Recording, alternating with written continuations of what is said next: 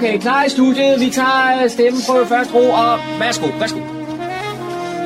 Du lytter til din egen radiomodtager. Fremragende, den er købt. Vi tager den, den her. Okay. Goddag og rigtig hjertelig velkommen her til programmet, der hedder Morgenkrøden. Mit navn er Kurt Kammersgaard og skal have fornøjelsen her de næste to timer. Ja, det er blevet coronatid igen, og juletid, og jeg ved ikke hvad, og det har jo, det medfører jo også, at der, kan man sige, der er juletravlighed, det er en ting. Husk nu for at hente jeres pakker øh, på de der udleveringssteder. De er ved at omkomme i, i, i, de, ja, i pakker. De er simpelthen ikke plads, fordi folk de får dem ikke hentet. De får bare at vide, at nu er den kommet. Men øh, problemet er bare, at øh, det håber sig jo op. Og, og det her med corona, ja, vi er også ramt her på radioen, forstået på den måde, at uh, vores uh, stjernereporter John Marco, han er, har, kan man sige, gået i selvisolation, så uh, det bliver ikke til så meget, kan man sige, fra, fra den side af, men alligevel så har vi noget fra ham her i dag. Det skal vi høre noget om, øh, og vi skal også høre noget om, øh, hvordan øh, kan man sige, bibliotekerne her i vores kommune har fundet nogle bøger frem fra gemmerne, julebøger, hensyn til de måske de lidt mindre, og det har man i øjeblikket et meget stort udvalg i. Daniel har talt med, med biblioteket omkring, hvad det er for nogle bøger, man kan, og hvordan man kan få fat i den, så, så dagene ikke skulle blive alt for lange herop til jul og, og under julen også. Skal vi også høre noget om julesnaps. Det er jo så noget, vi synes, der er en tradition, lige så vel som juletræet, for der er jo noget, der hedder julefrokoster bagefter, og der skal vi jo øh, gerne have julesnaps. Den kan man jo så købe sig til, eller man kan også selv være med til at lave den, og det får vi måske en bud på her også i, i formiddag. Den har jeg som altid kigger på øh, lokale nyheder, som han har fundet på humleborg.dk, som det hedder, og der finder han nogle af dem, øh, som vi skal høre her i løbet af formiddagen. Og så har Daniel også været heldig at få fat i borgmester Thomas Lykke Petersen, uh, umiddelbart efter, at der havde været konsolideringsmøde her torsdag aften nede på Rådhuset, for at høre lidt om, hvad, hvad, hvordan det gik af, af sig dernede, og lidt om fremtiden, hvad, hvad man forventer af det nye byråd. Og så har vi John Marco, som jeg sagde, godt af, at han ligger underdrejet hjemme, men øh, han, her for en stykke tid siden, der var han til en presmøde nede på Luciana, på en udstilling, der kører helt frem til foråret. Så derfor kan vi godt tåle at høre lidt om, hvad, hvad det er for en udstilling. Øh, en lidt speciel udstilling af en dansk øh, kunstner, øh, som øh, ikke bliver ret gammel, har jeg ladet mig fortælle, uden jeg ved ret meget mere om det. Men øh, vi skal høre om den øh, øh, fra en pressemøde en optagelse, John han har lavet dernede, som vi skal høre her i løbet af formiddagen. Og så skal vi have noget musik, og jeg kan lige så godt sige det, som jeg sagde sidste søndag også. Det, øh, jeg kan ikke udelukke, at det ikke kommer noget julemusik her de næste to timer. Velkommen til. Rigtig god fornøjelse.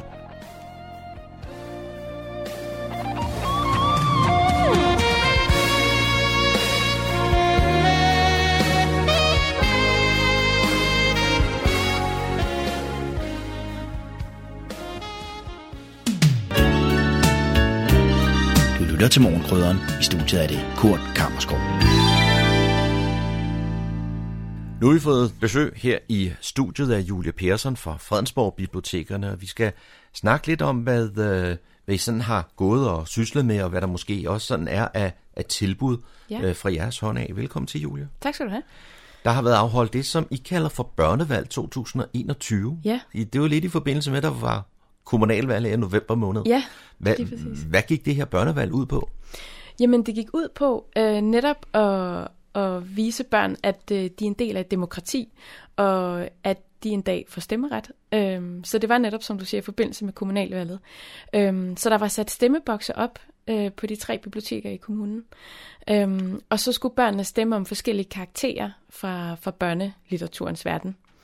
Øhm, og det er et initiativ, som øh, er arrangeret af Ballerup Bibliotekerne og Danmarks Bibliotek, Biblioteksforening, og det er så landets folkebiblioteker, som, øh, som byder ind og, og har det øh, med i deres arbejde. Og så laver man et lokalt bogvalg. Ja, mm. øh, altså det, det er et... Øh, Altså man kan sige, det er egentlig nationalt, de bøger, man kan stemme på. Øh, Okay. Så der var forskellige kandidater, så det var sådan på den måde sat op ligesom et, et rigtigt valg mm. øh, med forskellige kandidater, man kan stemme på. Og så var der endda nogle små valgslogans under de her. Så, så det var ret sådan hyggeligt at gå og kigge på, og der var en del børn, der, øh, der også stemte med. Der var ret mange faktisk, som, som i løbet af, af november måned lagde en lille stemmeseddel ned. Ja, mm. godt.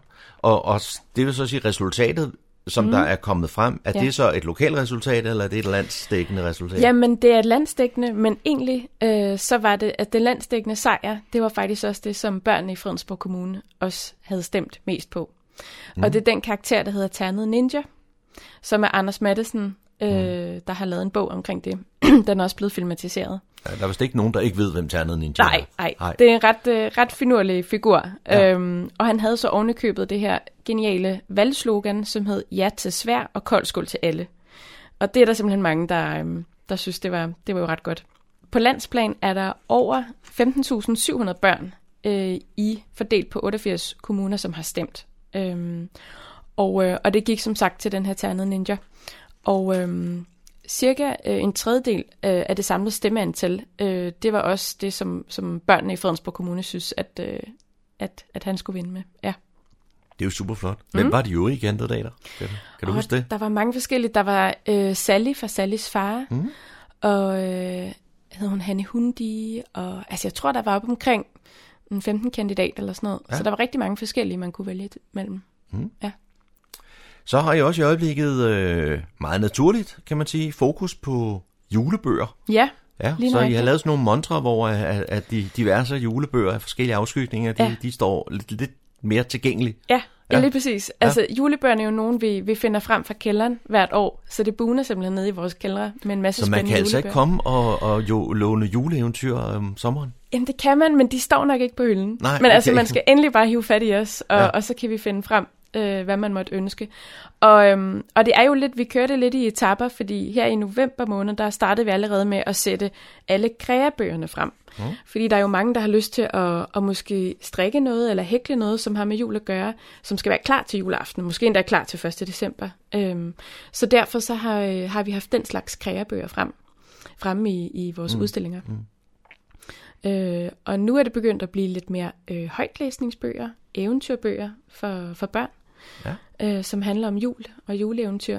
Øhm, og øh, der er også nogle bøger, der er delt op som, som små julekalendere, så man læser en lille bid hver dag. Øhm, dem kan man også få fingrene i. Mhm. Ja. Og er, er det så sådan mest børn, der, der læser julebøger, eller går voksne også sådan i, i krig med Ja. fantasy og den slags? Det gør de også. Øh, måske lidt i mindre grad, eller måske er det mest højtlæsning til ungerne, Ja. de så går efter. Øh, eller øh, opskriftsbøger, bagning og julemad. Øh, både traditionelle, men også det mere sådan øh, veganske køkken, eller det glutenfrie køkken, eller sådan. Der er sådan lidt forskellige øh, øh, muligheder der i hvert fald også. Mm. På Fredensborg Bibliotekernes hjemmeside, der har I nogle øh, boganbefalinger. Ja. Ja, hvor- hvordan øh, finder I ud af, hvad for nogle bøger I gerne vil anbefale øh, Jamen, borgerne? Det er jo, øh, når en af os øh, ansatte har læst en god bog, vi simpelthen bare ikke kan lade være med at anbefale. Øh, så, så laver vi en anbefaling og lægger den ind på vores hjemmeside. Mm. Øhm, og øh, den kommer også i, i lokalavisen nogle gange. Øh, så det er sådan lidt, øh, ja, øh, hvis man ikke øh, kan lade være, øh, han har sagt. Øh, og det er meget fedt, fordi vi kan godt se, at, at det nogle gange også gør, at, at folk bliver lidt nysgerrige på den bog, og, og kommer ned og, og låner den. Øh, det er vi selvfølgelig rigtig glade for. Øh, men det er den her øh, ja, øh, formidling, som, som vi synes øh, er, er vigtig også på skrift. Ja. Mm. Har I så sådan en eller anden rød tråd om, hvad det, hvad det er for en slags bøger, I øh, vil anbefale, eller det er bare sådan lidt tilfældigt, hvad, hvad, hvad I lige falder over? Ja, det er lidt, altså det er jo, vi prøver selvfølgelig at dække forskellige genrer mm. øh, godt, øh, og også så der både er til, til børn og til voksne. Øh, så det er sådan lidt en, en bredere palet, kan man sige, af øh, romaner, krimier, øh, fagbøger også. Øh, ja, så vi kommer lidt, lidt rundt omkring. Mm. Ja. Jamen med de ord, Julie, så vil jeg sige tak for besøget for denne her gang, og øh, du er altid velkommen til at kigge forbi en anden gang, når der er nyt fra Fredsborg Bibliotekerne. Det vil jeg glæde mig til. Mange tak.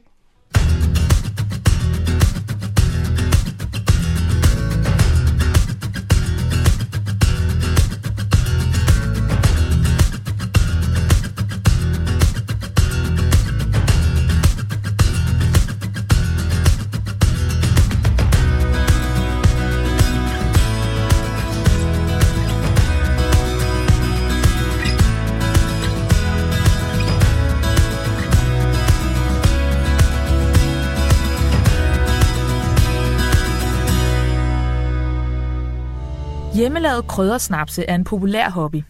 Naturen er den helt afgørende ingrediens med dens utallige rødder, planter og bær. Et ægtepar på Nordfyn har lavet deres egne snapse i mere end 30 år. Det begyndte jo med, at vi fandt en opskrift i et gammelt ugeblad. Og det tænkte vi, det skal vi prøve at lave, for den skulle ikke trække mere end 6 timer. Og vi fik jo blandingen lavet og sat på, og det var så spistid om aftenen. Så var vi jo nødt til at vente med at gå i seng, til vi havde fået den filtreret og, og smagt den. Ja. Vi havde dengang nogle ordentlige pokaler. Dengang havde vi jo lært, når man drikker snaps, så skulle man bare vippe den ned lige vugtigt. Og vi skænkede op og fik en ordentlig en og ned med den. Og hus, lige pludselig sagde nej. Nu skal jeg enten ned og ligge på gulvet, eller også skal jeg skynde mig op i seng for at prøve at se. Lelise hårene rejser sig. Det viste sig jo så, at det var jo en kraftig essens eller ekstrakt, vi havde drukket der. Den skulle så fortyndes. Det havde vi jo ikke gjort.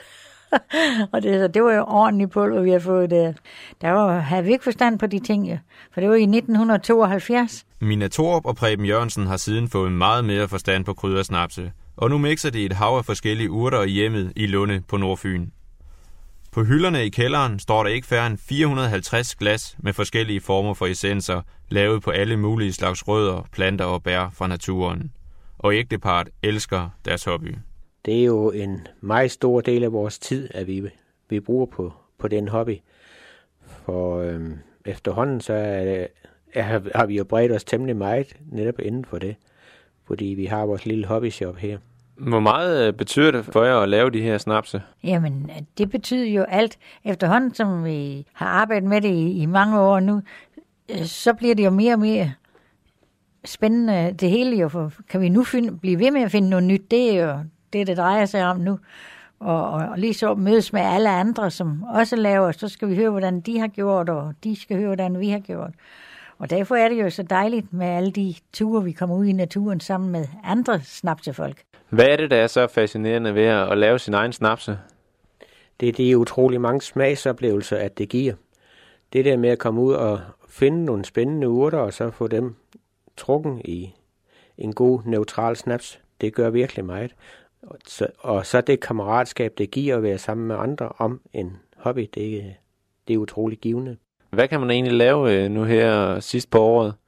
Jeg lige vil sige, der er jo noget hele året, men øh, netop nu, der er der stadigvæk øh, partysabler, der er kvæn, der er spansk kørvel, og øh, så er der også en del rødder at finde stadigvæk. Så skal vi gå ud og, og se på, på nogle af de ting? Ja, lad os det. Naturen har meget at byde på, og på vej tilbage til snapseriet i kælderen, fortæller Preben om nogle af snapsenes lægenevirkninger. Pil, det er jo øh, en rigtig god dram for hvem der har smerter. I, i det pil hedder salix på latin, og det er, kommer salicyl, som der er i øh, mange af de smertestillende piller.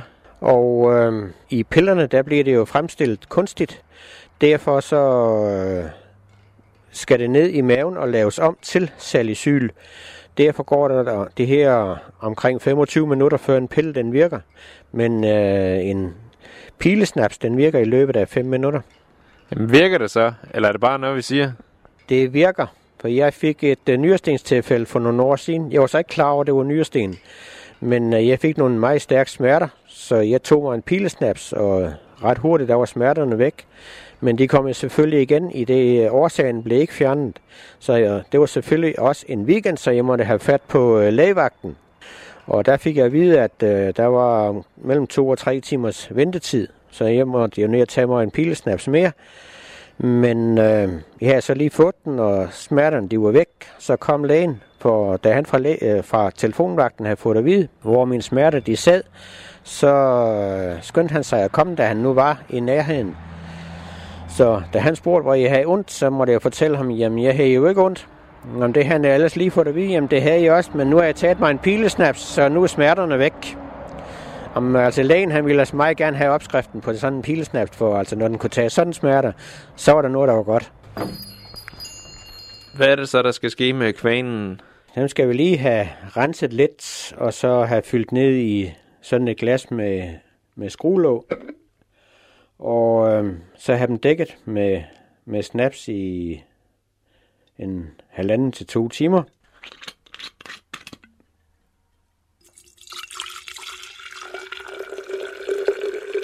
Ja, nu er det der godt.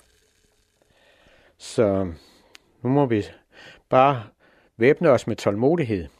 Tålmodighed, det er netop drambryggerens allervigtigste dyd. Og øh, det kan vi nok mærke indimellem, at øh, det kniber.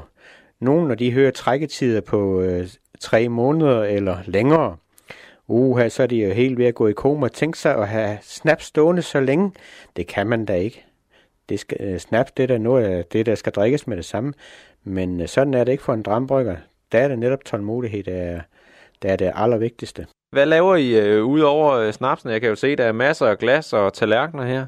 Ja, men øh, jeg maler jo på slæn, og det, er det, det er så fint, for de foregår jo alt sammen hen i kælderen, så vi kan jo arbejde sammen hernede. Og jeg kan jo godt smage på lidt snaps, der han står og laver, mens jeg maler på slæn og så videre. Jo.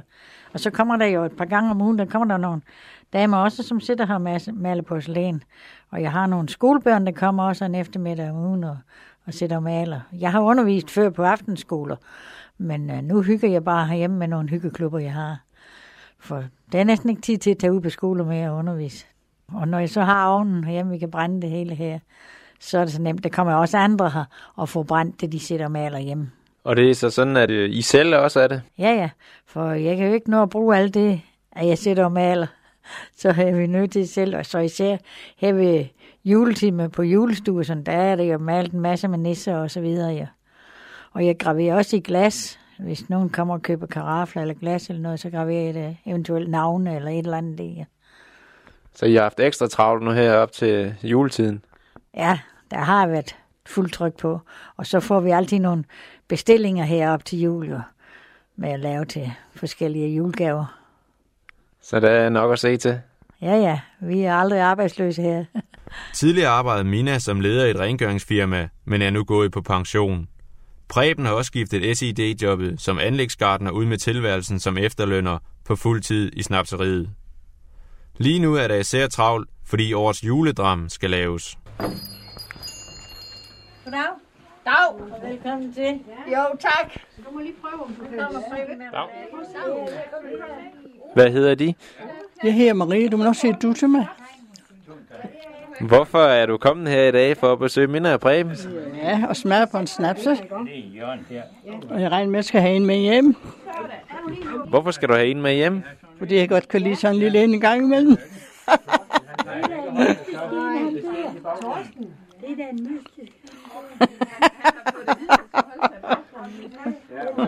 Har du været her før, Marie? Det var sidste år. Nu skal jeg jo altså med, at jeg skal til bankospil i hånden. Skal du til bankospil? Ja, nu skal jeg kunne lægge brækkerne på, jo. Ja, Hold tak.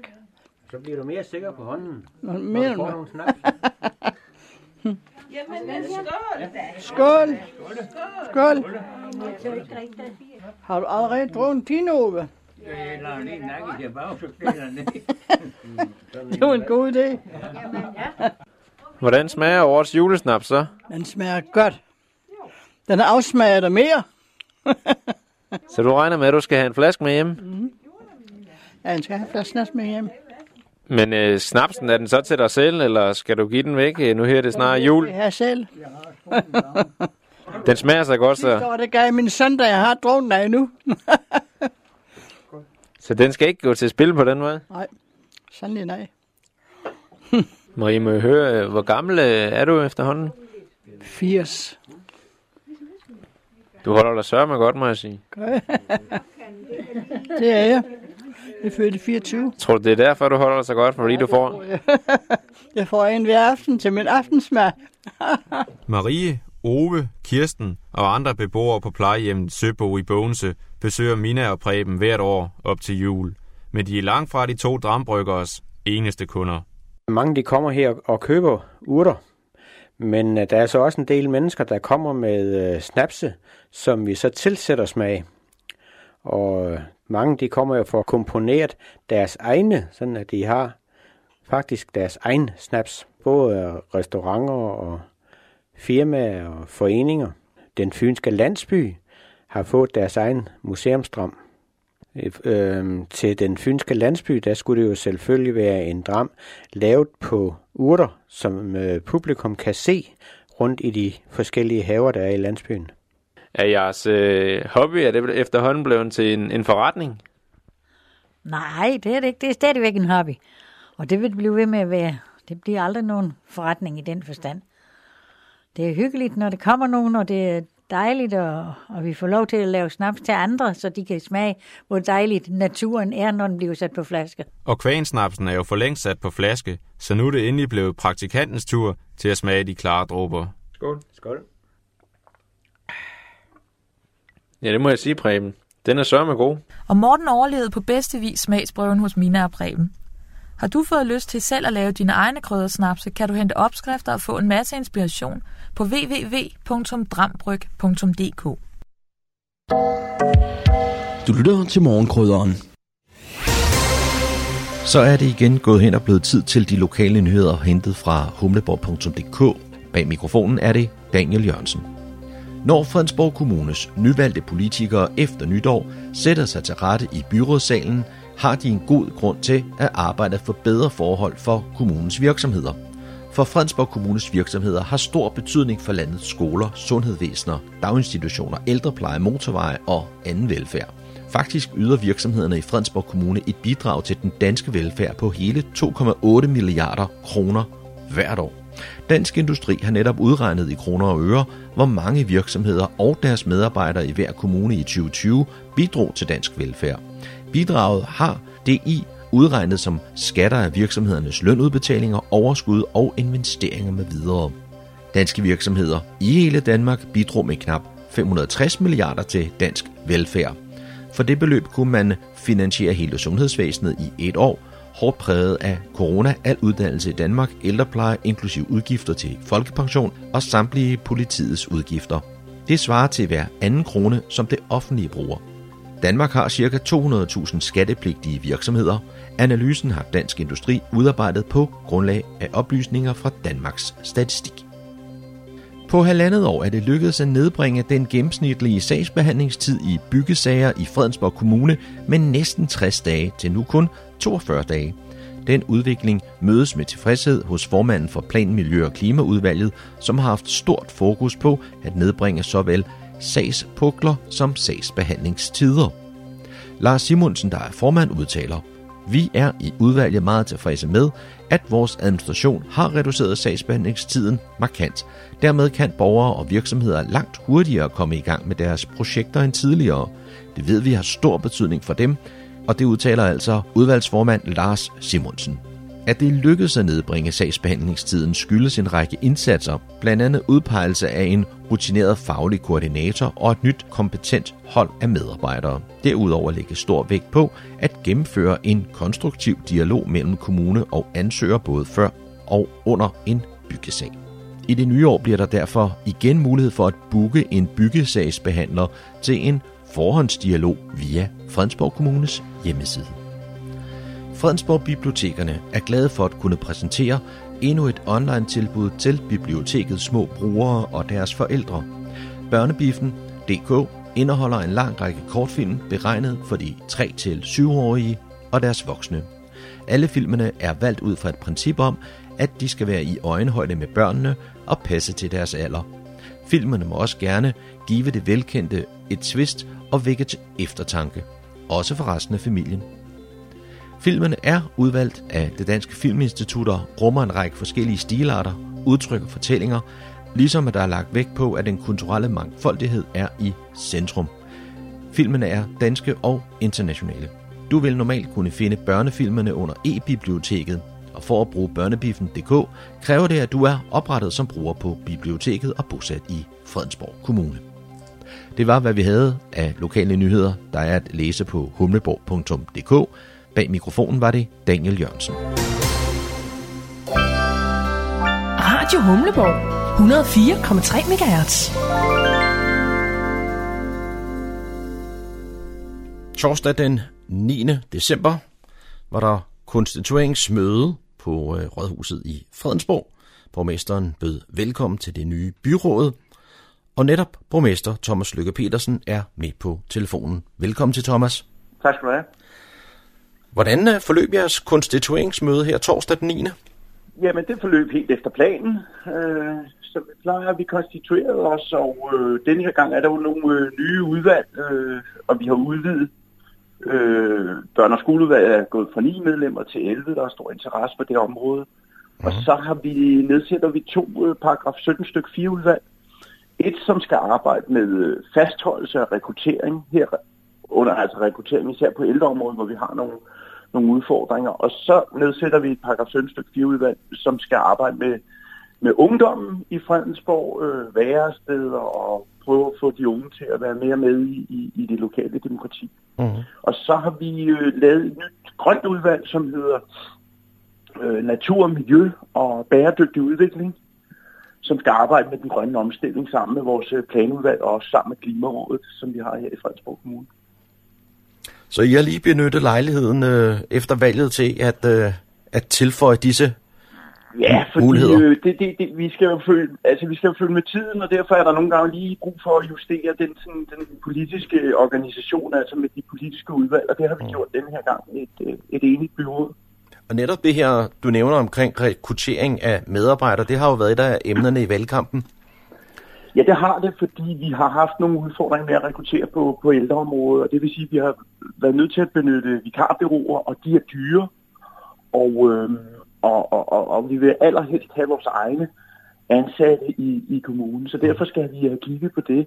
Hvad er det, hvordan øh, kan vi blive bedre til at rekruttere øh, hvad hedder det, medarbejdere til vores øh, ældreområde? Mm-hmm. Og jeg kan da huske, at du var selv fremme øh, og, og nævne noget om, at man skulle konkurrere på løn. Jamen altså, det er klart, at vi kommer jo til øh, alle 98 kommuner i Danmark til at konkurrere på en masse parametre, og, det bliver også, øh, det er helt sikkert, det bliver også på løn. Ja, sådan er det. Og så snakker du lidt om, at der bliver nedsat et øh, ungeudvalg. Og der øh, husker jeg da, at øh, her i efteråret var det øh, øh, ungdomsskolen, der havde, havde øh, foretrædet for borgmesteren. Det var også dig med, med Ja, nogle forslag. Og, og, ja. øh, og, og det er så den, der bliver taget op nu. Ja, altså nu er det jo det konservative folkeparti, der har stillet forslaget om et paragraf 17 stykke øh, 4 udvalg. Det skal jeg lige huske at sige. Det er Mm. deres forslag, og det har byrådet synes var en rigtig god idé. Øh, de får også formandsposten for udvalget, og, øh, og, og, og det bliver formentlig øh, unge mennesker. Nu har vi ikke nedsat det endnu, men det bliver formentlig unge mennesker, der kommer til at sidde i, i det udvalg. Altså, vi har jo fået tre under 30 år ind i, i byrådet. Øh, Soma, øh, Sara og Mikkel. Mm. Så, og, øh, og det, det, det, det glæder også ældre byrådsmedlemmer, der er kommet unge ind. Ja, fordi det var også et af mine spørgsmål. Det er sådan lidt, at, at, at hvorledes adskiller øh, det tidligere byråd sig for det her nye, som, som træder i kraft her 1. januar. Og Ja, det man er så et af, af områderne.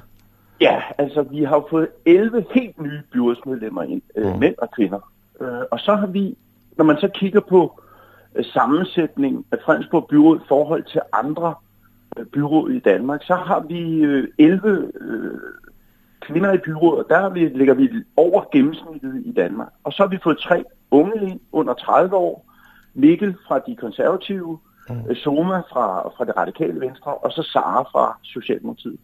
Ja. Når du siger, at Fredensborg Kommune ligger over gennemsnittet for kvinder i byrådet, hvad er landsgennemsnittet så? Ja, jeg kan ikke huske det, men vi ligger, øh, øh, jeg, tror, det ligger på syv eller sådan noget lignende. Ja, okay. Ja, ja. Så, så, altså, så, Men, det må du ikke tage, altså, men vi ligger bare over gennemsnittet. Altså, Ja. når man siger, at vi er 27, ikke, og 11 er kvinder, så Mm. ligger vi over gennemsnittet. ja, ja, det, det er tæt på 50-50. Ja, det er jo det. det, er Ja, det. godt. Thomas, hvordan forløb sådan øh, selve det her konstitueringsmøde? Jeg tænker, har I sådan nogle øh, ritualer og noget, sådan, som, Ja, som man lige vi da. gennemgår? Ja. For det første er det jo det, det, det byrådsmedlem, der har siddet længst som leder øh, byrådsmødet. Og da Lars Søndergaard og jeg har siddet der lige længe, mm. så er det faktisk vores fødselsdato, der kommer til at blive afgørende. Okay. Og, øh, og det, er så, øh, det er så Lars Søndergaard, der er født i november. Jeg er født i februar, som mm. leder byrådsmødet. Mm. Og, øh, og det gør han jo ved at, øh, ved at sige, at han er den, der har siddet længst og øh, ældst og alt det der. Og så går han i gang, og så godkender byrådet dagsorden. Og så det første punkt på det konstituerende byrådsmøde, det er jo valg af borgmester. Ja. Og hvis der foreligger en konstitueringsaftale, og det gjorde der jo den her gang, og det har der jo også gjort alle de andre gange, så siger han, at øh, i, i henhold til konstitueringsaftalen, så vil han foreslå, og så foreslår han jo Thomas Mm. øh, Løve Petersen, som jo er mig, Mm. og, øh, og så spørger han, om der er andre forslag, og så øh, øh, stemmer man om det. Ja. Jeg kunne forstå, Og der var vist vi en, mere, ikke? Som, op. der var en mere, der, der, der valgte. Ja, altså Nye Borgerlige, de stillede, øh, de stillede også øh, deres kandidat op. De ja. har et mandat, Mm. og han synes, han skulle være borgmester. Men ja. der var kun én, der stemte for ham, og det var ham selv. Åh oh, ja. Ja. Så, men altså, Men det er jo også en markering. Det er også en markering, selvfølgelig. Fordi øh, Nye Borgerlige er desværre ikke med i konstitueringsaftalen, og derfor kan de jo selvfølgelig stille de kandidater op, de har lyst til. Sådan er det jo. Mm. Og hvad har I ellers sådan, øh, når, når nu det her øh, Jamen, så går man sker? videre, så skal vi vælge først visborgmester anden visborgmester, og så går vi i gang med at, og, øh, og, og sammensætte de stående politiske udvalg. Mm. Altså økonomiudvalget som det første, og så kommer planudvalget, så kommer børn- og skoleudvalget, og så videre, så videre, kulturudvalget og videre. Og så, når vi har valgt de øh, hvad hedder det, udvalgsmedlemmer ind i, i de stående udvalg, så er der alle de eksterne råd og nævn. Mm. Det er Fredensborg Forsyning, det er Nordsjællands Park og Vej, det er Beredskabskommissionen, osv. osv. Der er en lang række råd og nævn, man, man udpeger til fredningsnævnet osv. Ja, det er sådan meget formelt. Det er meget formelt, og, Ja, det, går forholdsvis- og det går hurtigt. Mm. Lige for at vende tilbage. Det, der jo er sket, ja. det er jo, at når man har en konstitueringsaftale, så leverer de forskellige politiske partier de navne på de personer, som skal sidde, som de har udpeget til at sidde de forskellige steder. Mm. Dem leverer de ind til administrationen, som så skriver dem ind i dagsordenen. Og så lige netop for at tage de der stående udvalg, det er jo de, de her udvalg, som vi alle sammen kender. Ja. Ja. Kan, kan du sætte navne på, hvem der har fået formandsposterne her? Det kan jeg godt. Ja. Altså, økonomiudvalget, der er borgmesteren jo født, Mm. og det er mig. Så kommer vi til, øh, til planudvalget. Øh, det bliver Lars Simonsen fra De Radikale. Så kommer vi til arbejdsmarked og erhverv. Det bliver Lars Søndergaard fra Venstre. Kulturudvalget, det bliver Ulla Hardy Hansen. Så bliver det jo i det nye grønne udvalg, altså natur, miljø og bæredygtig udvikling, det bliver Hanne Berg fra, fra, fra SF. Fritids- og idrætsudvalg, det bliver Soma fra det radikale venstre. Og har jeg glemt nogen? Ja, så er der social- og øh, sundhedsudvalget. Det bliver Louise Minke fra Socialdemokratiet, og børne- og skoleudvalg, det bliver Per Frost fra Socialdemokratiet. Så det vil sige, at det, det er vel alle partier, som, øh, som peger på borgmesteren, der har fået en Ja. formandspost. Ja. Ja. Og, og, og det var også noget af det, som du nævnte i din tale, det her, det var noget med, at, øh, at, at Fredensborg Kommune var blevet fremhævet i sådan et program som Deadline, for Ja. netop at have tradition for at lave brede aftaler og konstitueringer og alt det, det her. Altså brede aftaler, i, når vi konstituerer os, ikke, hvor vi jo er 26 ud af 27 byrådsmedlemmer, som er med i konstitueringsaftalen. Og så når vi laver budgetter, så er det jo også typisk er alle med. Nogle gange så er det kun også de, og det vil det også være i denne her periode, tror jeg. Der vil måske være en, der ikke er med i, i, i budgetforliget. Men det, jeg håber, at alle kan være, se sig selv i budgetforligene, når, når nu vi skal i gang med at, at lave budgettet for næste år. At, at de er. Og vi blev fremhævet i det der program, der hedder Deadline, ja. Mm. Thomas, frem til den her konstitueringsmøde, der var sådan lidt et, et mudret forløb øh, omkring især øh, det konservative folkeparti, og det startede jo allerede på, på valgnatten. Kan du prøve at bringe lidt lys over, hvad var det egentlig, der skete?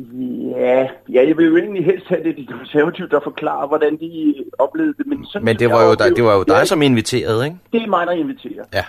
Vi har jo den tradition, i, eller jeg har den tradition her i Fredensborg Kommune, at jeg sidder hjemme hos mig selv, øh, når vi konstituerer os. Og det gør jeg af flere årsager på. For det første, så er der alt for meget uro på rådhuset, øh, og i øvrigt, der kan jeg ikke heller selv bestemme, hvem det er, der bliver inviteret ind i lokalet. Det er jo ikke mit rådhus, det er jo skatteborgernes eller borgernes rådhus. Så derfor har jeg gjort det siden 2005, så det er ikke noget nyt, at jeg sidder altid herhjemme, og så inviterer jeg dem, som vil pege på en socialdemokrat som borgmester. Sådan har det været siden 2005. Og Så det ved du i forvejen? Jamen, jeg taler jo med dem i løbet af valgnatten, og vi ser, hvad, hvordan mandattallet er fordelt, hvordan vælgerne, hvad, når vælgerne har talt, så ringer vi og taler med hinanden, de forskellige partier. Og så bliver de inviteret hjem, og så øh, konstituerer vi os. Mm. Men kan du godt forstå, hvis der er nogen, der undrer sig lidt over forløbet omkring det konservative, at det ikke lige var deres spidskandidat, som øh, sad Ja. i stuen hos Thomas Lykke? Ja, ikke helt, fordi det har været sådan siden i hvert fald 2013, at jeg altid har talt med min første visborgmester på valgnatten. Og det gjorde jeg også denne her gang. Mm. Så, så, så der er ikke noget, og vi gjorde det også i 17, og nu gjorde vi det også i 21. Så, så, så det forløb har været helt som siden Mm. 2013 i hvert fald. Mm. Men, øh, og, øh, og, og jeg inviterer jo dem, som vil pege på mig. Altså, sådan, sådan fungerer det jo. Mm. Det er jo sådan, det er i politik. Ja. Men det er måske lidt ærgerligt, at det så resulterer i, at der så øh, allerede inden at byrådet er øh, gået i gang med at arbejde, så er der to løsgængere. Ja, det kan man sige. Jamen det, altså, men jeg blander mig jo ikke i, hvordan man håndterer det i, i, i det konservative folkeparti. Jeg kan bare ærge mig over, at der skulle, at der skulle være så meget ballade omkring det her. Fordi det var, det, det var bestemt ikke meningen fra min side. Altså, jeg har hele tiden gået efter en konstituering, hvor alle partier gerne skulle være med. Mm. Øh, og det lykkedes også, synes jeg. 26 ud af 27, det synes jeg faktisk er et flot resultat. I kom i hvert fald i mål, kan man sige. Og, og, Det gjorde og, og hvad bliver sådan nogle af de øh, første ting, som I øh, går i gang med at arbejde med i det nye byråd? Ja, men altså noget af det første det er jo vores øh, strategiske byudviklingsprojekter i Humlebæk, øh, i Niveau og i Fredensborg. Og, øh, og så skal vi se at få gymnastikkens hus færdigt nede i, øh, eller i Kokkedal. Mm. Øh, det, det, det bliver færdigt her til øh, næste år, og det kan vi indvige her øh, til næste år, og det, det glæder jeg mig til. Så er der selvfølgelig øh, hele øh, spørgsmålet omkring rekruttering og fastholdelse af, dygtige medarbejdere i Fredensborg Kommune. Det bliver også et stort emne, som vi kommer til at arbejde meget med i det, i det nye år. Har, har der været nogle øh, ønsker fra de forskellige partier, og, og selvfølgelig også jeres eget, sådan, øh, i forbindelse med den her konstituering, nogle mærkesager, hvor vi siger, at det her, det vil vi godt have gennemført i de næste fire år? Jamen altså, Socialdemokratiet har foreslået, at man nedsætter et fastholdelse- og rekrutteringsudvalg. Det, det, det kommer vi til, og det kommer vi til at nedsætte. Øh, Mm. nedsætte ikke? Og så har de konservative foreslået et ungeudvalg. Øhm, og så ved jeg jo, at SF har været meget interesseret i det nye grønne udvalg, altså øh, natur, miljø og bæredygtig udvikling, hvor de også har fået formandsposten. Så det kan man sige, det er sådan de, de nye ting, og det betyder jo også, at der bliver sådan en, en ændret politisk dagsorden på de områder. Ikke? Den bliver mere skærpet, kan man sige. Mm. Thomas øh, Lykke Petersen, året det er jo også ved at rende ud, og det har været meget præget af corona, og vi sidder jo nærmest midt i øh, endnu en bølge her. Men Det hvis du nu skal, ja. skal se tilbage på, øh, hvordan året er gået, øh, hvad, hvad er ordene på det? Jamen, jeg synes jo, jeg synes jo her i Fredensborg Kommune, vi har håndteret coronakrisen øh, rigtig godt. Øh, nu stiger tallene desværre igen, og, øh, og man begynder at lukke lidt ned øh, rundt omkring. Det gør vi også her i, i kommunen, og vi havde et krisestabsmøde i, i går øh, formiddags, og øh, skal have det igen. Og vi følger udviklingen meget nøje i Fredensborg Kommune, men, men jeg håber ikke, at der skal lukkes mere ned, end, end, end der allerede er gjort. Mm. Men der er jo så også kommet nogle meldinger, for eksempel af skolerne og sådan noget, skal... Øh, øh, først lød det, som om de skulle gå tidligt på juleferie, men senere skulle de også lave noget hjemmeundervisning og, og den slags. Men, Mhm. men det, det regner du med, at det bliver planlagt, som, som det skal. Jamen, vi, er i, øh, vi følger udviklingen meget nøje her i Fredensborg. Det har vi hele tiden gjort. Vi har dygtige øh, medarbejdere derude, der er meget opmærksomme på den krise, vi står i. Mm. Og hvis man sådan skal øh, se på, på de politiske opgaver, der har været i øh, året, der er gået, er der sådan noget, du, du vil fremhæve som... Øh, jeg vil jeg fremhæve, at vi, øh, jeg synes, vi har haft et rigtig godt samarbejde i, i, i, i det år, der nu render ud i, i byrådet, og det har jeg også en øh, forventning om, vi får i det nye, det nye byråd, som nu øh, er sammensat. Øh, altså, jeg har en god øh, fornemmelse af, at det her byråd kommer til at fungere rigtig godt, og at øh, det, det handler om at samarbejde og skabe resultater for, for borgerne. Det er jeg helt sikker på, at vi kommer til at gøre også i den, i den kommende valgperiode. mm. Og en af de store øh, sager, vi har snakket om det før, det er det her med, at Fredensborg Kommune er på vej mod øh, at være gældfri. Ja. og øh, vi har også øh, mulighed for at se frem til, i hvert fald til dem, der, der glæder sig over det, øh, en, en svømmehal. Så det er jo... Øh, Ja, altså, der ligger jo i, i anlægsbudgettet ligger jo svømmehallen i niveau. Den er jo inde i anlægsbudgettet til de der 85 millioner. Så er det sådan, at vi afdrager det sidste afdrag øh, i 2023, og der bliver Fredensborg gældfri. Og det er der kun fire andre kommuner i Danmark, der er ud af de 98 kommuner, vi er. Så, så det var også det, jeg sagde i går aftes på det konstituerende møde. Jamen, det er jo, det kan, det kan byrådet jo så sætte på sit øh, politiske CV. Det er, der ikke, det er der ikke mange byrådsmedlemmer i Danmark, der kan. Og med de ord, så vil jeg sige tak til dig, Thomas Lykke Petersen, for den her orientering om øh, tingets tilstand. Du lytter til morgenkrydderen. Onsdag den 27. oktober var der pressemøde på Museet for Moderne Kunst, Luciana i Humlebæk. Anledningen var, at man netop denne dag åbnede en udstilling med den danske kunstmaler Jens Adolf Jerichau. Udstillingen hedder De store tider er inde. Det er pressechef Jan Hyberts Gørike, der kommer med nogle praktiske informationer.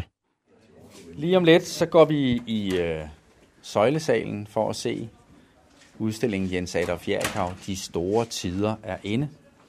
Og det er jo store tider. Øh, det er vel et øh, posthum karrieremæssigt højdepunkt med Vivels bog fra november 19, og nu en stor udstilling med hans øvre. Øhm, Paul Erik Tøjner vil byde velkommen, når vi kommer ned i Søjlsalen, og så vil Mathias tage over og fortælle om udstillingen, og ikke mindst også arbejdet med udstillingen. Det er ikke så tit, at vi åbner en udstilling med værker, som har enten været forsvundet eller ukendte. Øh, dem er der fire af i udstillingen. Øh, og Mathias han... Som er forsvundne?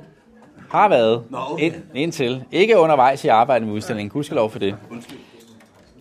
Øhm, I forhold til næste omgang i for udstillingsåbninger med videre, så øh, slut november, så øh, tager vi hul på et, et længere forløb af præsentationer af værker, som er tilkommet Lucianas samling i perioden 16 til 21. Øh, slut i januar næste år åbner vi en udstilling med være tegninger af, af den britiske arkitekt Peter Cook. Og øh, februar åbner vi en udstilling med Sonja Delaunay. Øh, men det kommer I alt sammen til at høre mere om, øh, og der står også noget øh, i, øh, i programmet og det kommende Luciana-magasin øh, om det alt sammen. Det tror jeg var det hele her. Skal vi ikke gå i, øh, i søjlesalen, fordi nu er de store tider inde. Så er det direktør på Louisiana, Paul Erik Tøjner, der byder pressen velkommen. Godmorgen og velkommen til pressemødet på Jens Adolf Jerichau. Øh, hvis I synes, at jeg skal kun sige noget i to minutter, så giver jeg ordet til Mathias. Øh, hvis I synes, at det er øh, underligt at se sådan en klassisk udstilling på Louisiana, så er det både rigtigt og forkert. Øh, det er jo rigtigt i den forstand, at vi laver ikke øh, så tit noget, der ligner lige det her, men øh, det er også forkert, fordi øh, Luciana har faktisk øh, et mellemværende med Jerichau. Så det er ikke sådan, at vi har siddet og kigget i øh, Jan Sibrandsen Dansk Kunst og tænkt, er der ikke en eller anden dansk kunstner, vi kan køre i stilling her i efterårsmulmet? Øh, vi kigger jo ofte på vores egen historie, øh, og et meget væsentligt kapitel i den historie, det er øh, et hovedværk af Jens Adolf Jerichau, som hedder Mennesker søger varsler. Øh, han lavede tre, det hænger længere op i selskab med de to andre fra Esbjerg og fra, nu er det i Oslo, Kanika. Øh, det er et billede, som har været lånt ud til øh, Nivogård, tror jeg, i en række år, eller andre danske kunstmuseer, fordi vi har uddeponeret vores danske samling.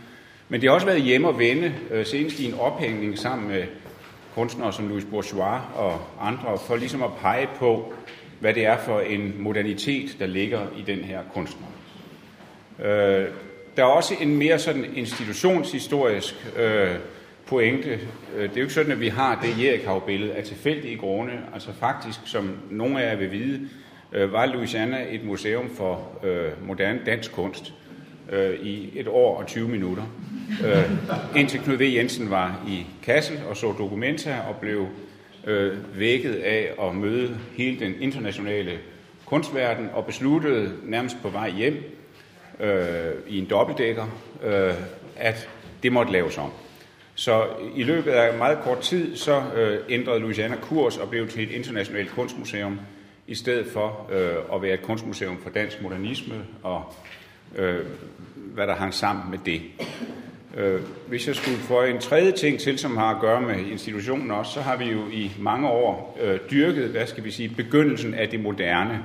Hvis I tænker på Paula Modersohn Becker, som vil er samtidig med, med Erik Hauer, eller I tænker på Gabrielle Mønter, eller Hilma Klint, øh, andre øh, kunstnere øh, kan nævnes også, så har vi øh, helt naturligt et, et øh, begyndelsespunkt for vores egen, egen, eget kunstmuseum her, som Erik Hav falder ind under. Så derfor er det jo en meget stor øh, fornøjelse at kunne præsentere Hav. Øh, den sidste ting, jeg vil sige, det jeg er sikker på, at Mathias vil sige mere om, det er, at han er jo ikke vel, hvem som helst i virkningshistorien. Selvom han ikke er så kendt, så har han spillet en helt afgørende rolle for Jorn og Kirkeby, som, er, øh, som skriver om ham, øh, navnet i Kirkeby, øh, øh, og I vil se et par billeder, når I kommer ind, som simpelthen næsten kan oversættes til malerier af Kirkeby. Hvis I lige slører figuren lidt mere, så er man næsten, hvor Kirkeby er, øh, da han begynder at male den slags billeder i 80'ernes begyndelse, 79-80, som vi også har i samlingen. Så der er altså både virkningshistorie, institutionshistorie og så en lille sentimental krølle på øh, mennesker, som søger varsler. Og øh, jeg er utrolig øh, glad for, at vi kan lægge rum til en tur de force gennem Erikhavs øh, verden på den her måde. Øh, og jeg vil gerne takke, nu takker vi jo ikke normalt vores kuratorer, for de er jo bare nogle af os selv. Øh, men jeg kan godt takke Mathias alligevel. Øh, men jeg vil gerne takke også Michael Vivl, som ikke er her, men altså som har været øh, medarbejder på udstillingen over det lange stræk. Han udgav en bog om Hav for et år siden og har et livslangt forhold til kunstneren. Så han har også spillet en rolle i øh, kulissen sammen med Mathias. Mathias, vil du ikke overtage? Tak. Så er det kurator Mathias Using Seberg, der vil fortælle lidt mere om udstillingen. Hej alle sammen. Jeg hedder Mathias Using Seberg og er den hovedansvarlige, kan man sige, kurator for den her udstilling, øh, hvor Michael Viv, jeg har arbejdet sammen med Michael Viv øh, også om det her projekt. Øh, jeg synes, man kan sige, øh, at den her udstilling er bragt til veje på baggrund af lige dele forundring og begejstring. Forundring over, at der aldrig, aldrig på et dansk kunstmuseum har fundet en stor soloudstilling øh, med Jens Adolf Jerichau sted. Begejstring over værket, som jeg mener er enestående i dansk kunst. Ikke for hvad det lover om, hvad det kunne være blevet til for den unge mand, men simpelthen for det, det er. Og det skal jeg nok vende tilbage til. Øh, Jerichau er ikke en hovedfigur i dansk kunsthistorie, og når jeg siger det, er det vigtigt at slå fast, at det ikke er nogen kvalitativ øh, betragtning. Det er blot en, øh, øh, den konstatering, at hans praksis er for kort, og de udstillinger, der har dyrket hans øvre, er for få. Alligevel kan man konstatere, at Jerichau, på trods af rollen som marginaliseret maler, er central for flere af dansk kunst absolute hovedfigurer, også nogle af de hovedfigurer, som er Louisianas hovedfigurer. Asger Jorn beskriver i 1960'erne i Vedekorn, i et svar til øh, Jerichau-pioneren Troels Andersen, øh, Jerichaus forbindelse, øh, øh, hans egen forbindelse til Jerichau gennem selve metoden for maleri. Og noget af det, Jorn han tænker på, er den spontane malestil med gentagende omarbejdelser, som man tydeligt kan spore i Jerichaus maleri. Og Per Kirkeby fremhæver i slutningen af 1970'erne, altså i virkeligheden på det tidspunkt, hvor han selv går den vej, den store stils vej, øh, fremhæver han øh, Jerichau som en fundamentalt udansk maler, der er synonym med den store stil i maleriet, og øh, som, øh, øh, organ, som, øh, som, hvor grebet er en stor bevægelse, der organiserer billedet indefra. Jorn og Kirkeby står i klassisk kanonisk forstand som to af de mest væsentlige danske kunstnere i det 20. århundrede, og deres vægtning af Jerichau påviser en uoverensstemmelse mellem den kanon, de selv er en del af, og så den billedkunstneriske virkningshistorie. Det vil sige, at der er en overensstemmelse mellem den måde, kunsten fortælles på, og så den måde, kunsten virker som generator for ny kunst. Og i den sidste karakteristik ligger en del af Jerichaus store betydning for os, at hans billeder har afledt nye, væsentlige billeder. Så han er en del af en genealogi. Fortællingen om Jerichau inden det her, kan man sige, har, har hvilet på tre personers skuldre, der har skrevet de tre eneste bøger om kunstneren. Jerichaus mentor og ven, Wilhelm Manscher, skrev den første øh, biografi i 1931 i serien Vor Tids Kunst. Og Troels Andersen fulgte op øh, 50 år senere, i 1983, øh, med en bog, som er baseret på mere end 20 års research, grundforskning i kunstnerens værk, Øh, og øh, som en lille note vil jeg sige, at det er meget trist, at Troels ikke når at se den her udstilling, øh, fordi han øh, glædede sig meget til, at den skulle finde sted. Øh, men jeg er meget glad øh, for, at jeg havde mulighed for at møde ham i, i maj måned og tale med ham om Jerikau. Og energien hos ham var i hvert fald øh, fuldstændig øh, den samme som, som altid. Øh, endelig kommer der øh, for to år siden den hidtil største bog om kunstneren, som Michael Vivl skrev. Det er altså den, der hedder øh, Penslen og Pistol. Penslen og Pistolen, maleren Jens Adolf Jerikau. Øh, og Vivls bog var øh, ansporende for at lave den her udstilling. At det virkede som et godt tidspunkt at, øh, at øh, tage Jerikau op. Og øh, vi er meget taknemmelige for, at øh, Michael var med på at være øh, co-kurator på projektet. Og det har betydet selvfølgelig, udover at det selvfølgelig har været enormt privilegeret for mig, at have en vaskeægte Jerikau-ekspert med i sidevognen, øh, så har øh, Michael jo gjort et kæmpe detektivarbejde i, for, øh, i forbindelse med sin bog med at lokalisere værker i private samlinger rundt omkring, som altid er besværlige at finde. Øh, og det, øh, jeg vil bare lige til sidst her, selvom Michael ikke er, sige, at, øh, sige ham tak for et meget sjovt og udbytterigt samarbejde. Øh, udstillingen, som vi kan konstatere den største udstilling af kunstnerens arbejder overhovedet, har tre overordnede mål. For det første, at vise Jerikau så omfattende som muligt. Og øh, det er selvfølgelig øh, klart, at det er i lyset af, at det er næsten 40 år siden, at den sidste store Jerikau-udstilling fandt sted på Sofienholm, 37 år siden. Øh, og at der således er rigtig mange mennesker, som ikke kender ham. Han er ikke nogen velkendt figur øh, bredt sådan i det danske land, og, og selv blandt, blandt yngre kunstnere osv. Er der, er der ikke et stort kendskab. Så vi, så vi føler ligesom, at udstillingen bliver nødt til at have en introducerende øh, omfang. Så vi får ikke kun øh, et, øh, et, lille, et lille udpluk af værker, men vi, vi ser ligesom hele værket foldet ud. Både de små øh, anslag, bestræbelser, og så de store sådan, øh, kulminationer, som for eksempel serien øh, Guldfuglen her, som han maler fra øh, 1914 til sin død 1916, det sidste billede herovre. Øhm, øh, øh, og dermed får vi, lærer vi kunstneren bedre at kende. Det er det, der er tanken. Så I er ligesom landet i et pinakotek og et billedbombardement, som ligesom fortsætter ind igennem øh, det underjordiske Louisiana her. Ikke? Endelig har det været højt prioriteret, at vi kigger fra vores tid på Jericho og hans værker. Og, øh, Kunstneren Jens Adolf Jerichau blev født i 1890 og døde i 1916 kun 25 år gammel. Og det, som imponerede mig i hvert fald, det var, at han i en periode på omkring syv år har lavet alle disse mange værker, som nu kan ses på udstillingen på Louisiana, frem til den 6. marts 2022. Det var John Marco, der havde produceret dette indslag.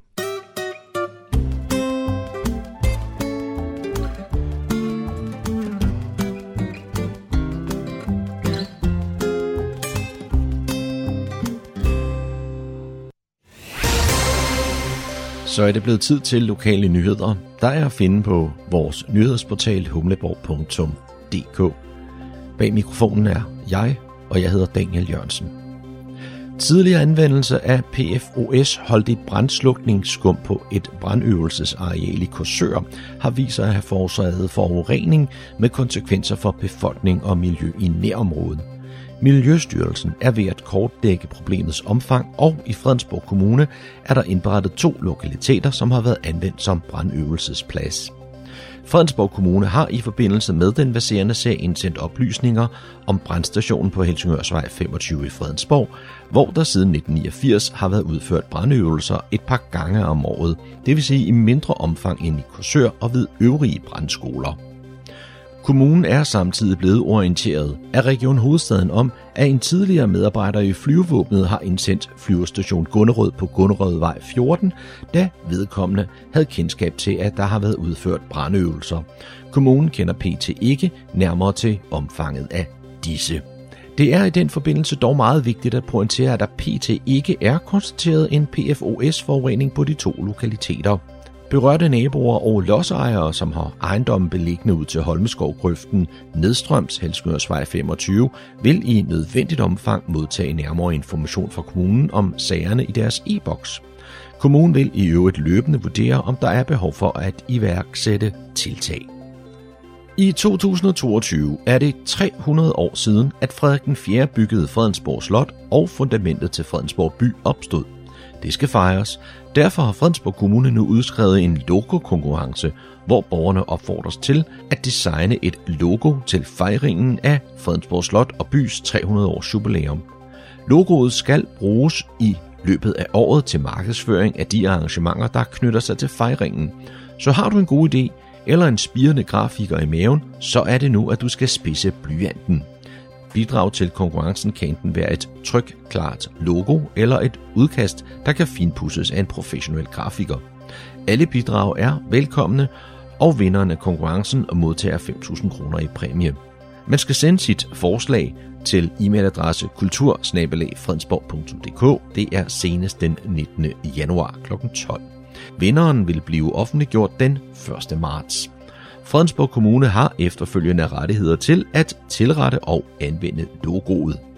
Fredag den 3. december modtog fire repræsentanter for Nørdet Nirvana årets handicappris for Fredensborg Kommune, og det er for at skabe et inkluderende fritidstilbud til alle børn og unge med særinteresse for nørdede spil, som også rummer børn og unge med forskellige diagnose, særligt inden for autismespektret.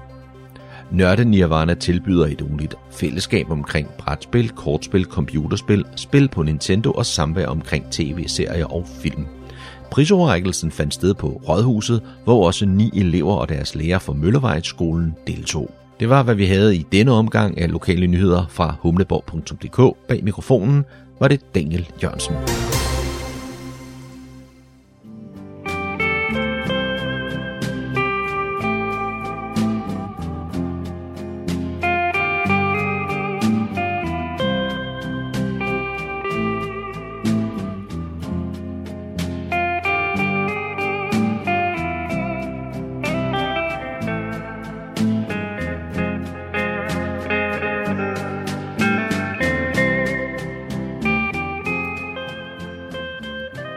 Toner fortæller os, at vi er nået til afslutningen på denne uges udgave af programmet, der hedder Morgenkrøden. Her fra redaktionen, som består af undertegnet, jeg hedder Kurt Kammersgaard. Ja, der siger jeg tak for nu, og på genhør en anden god gang.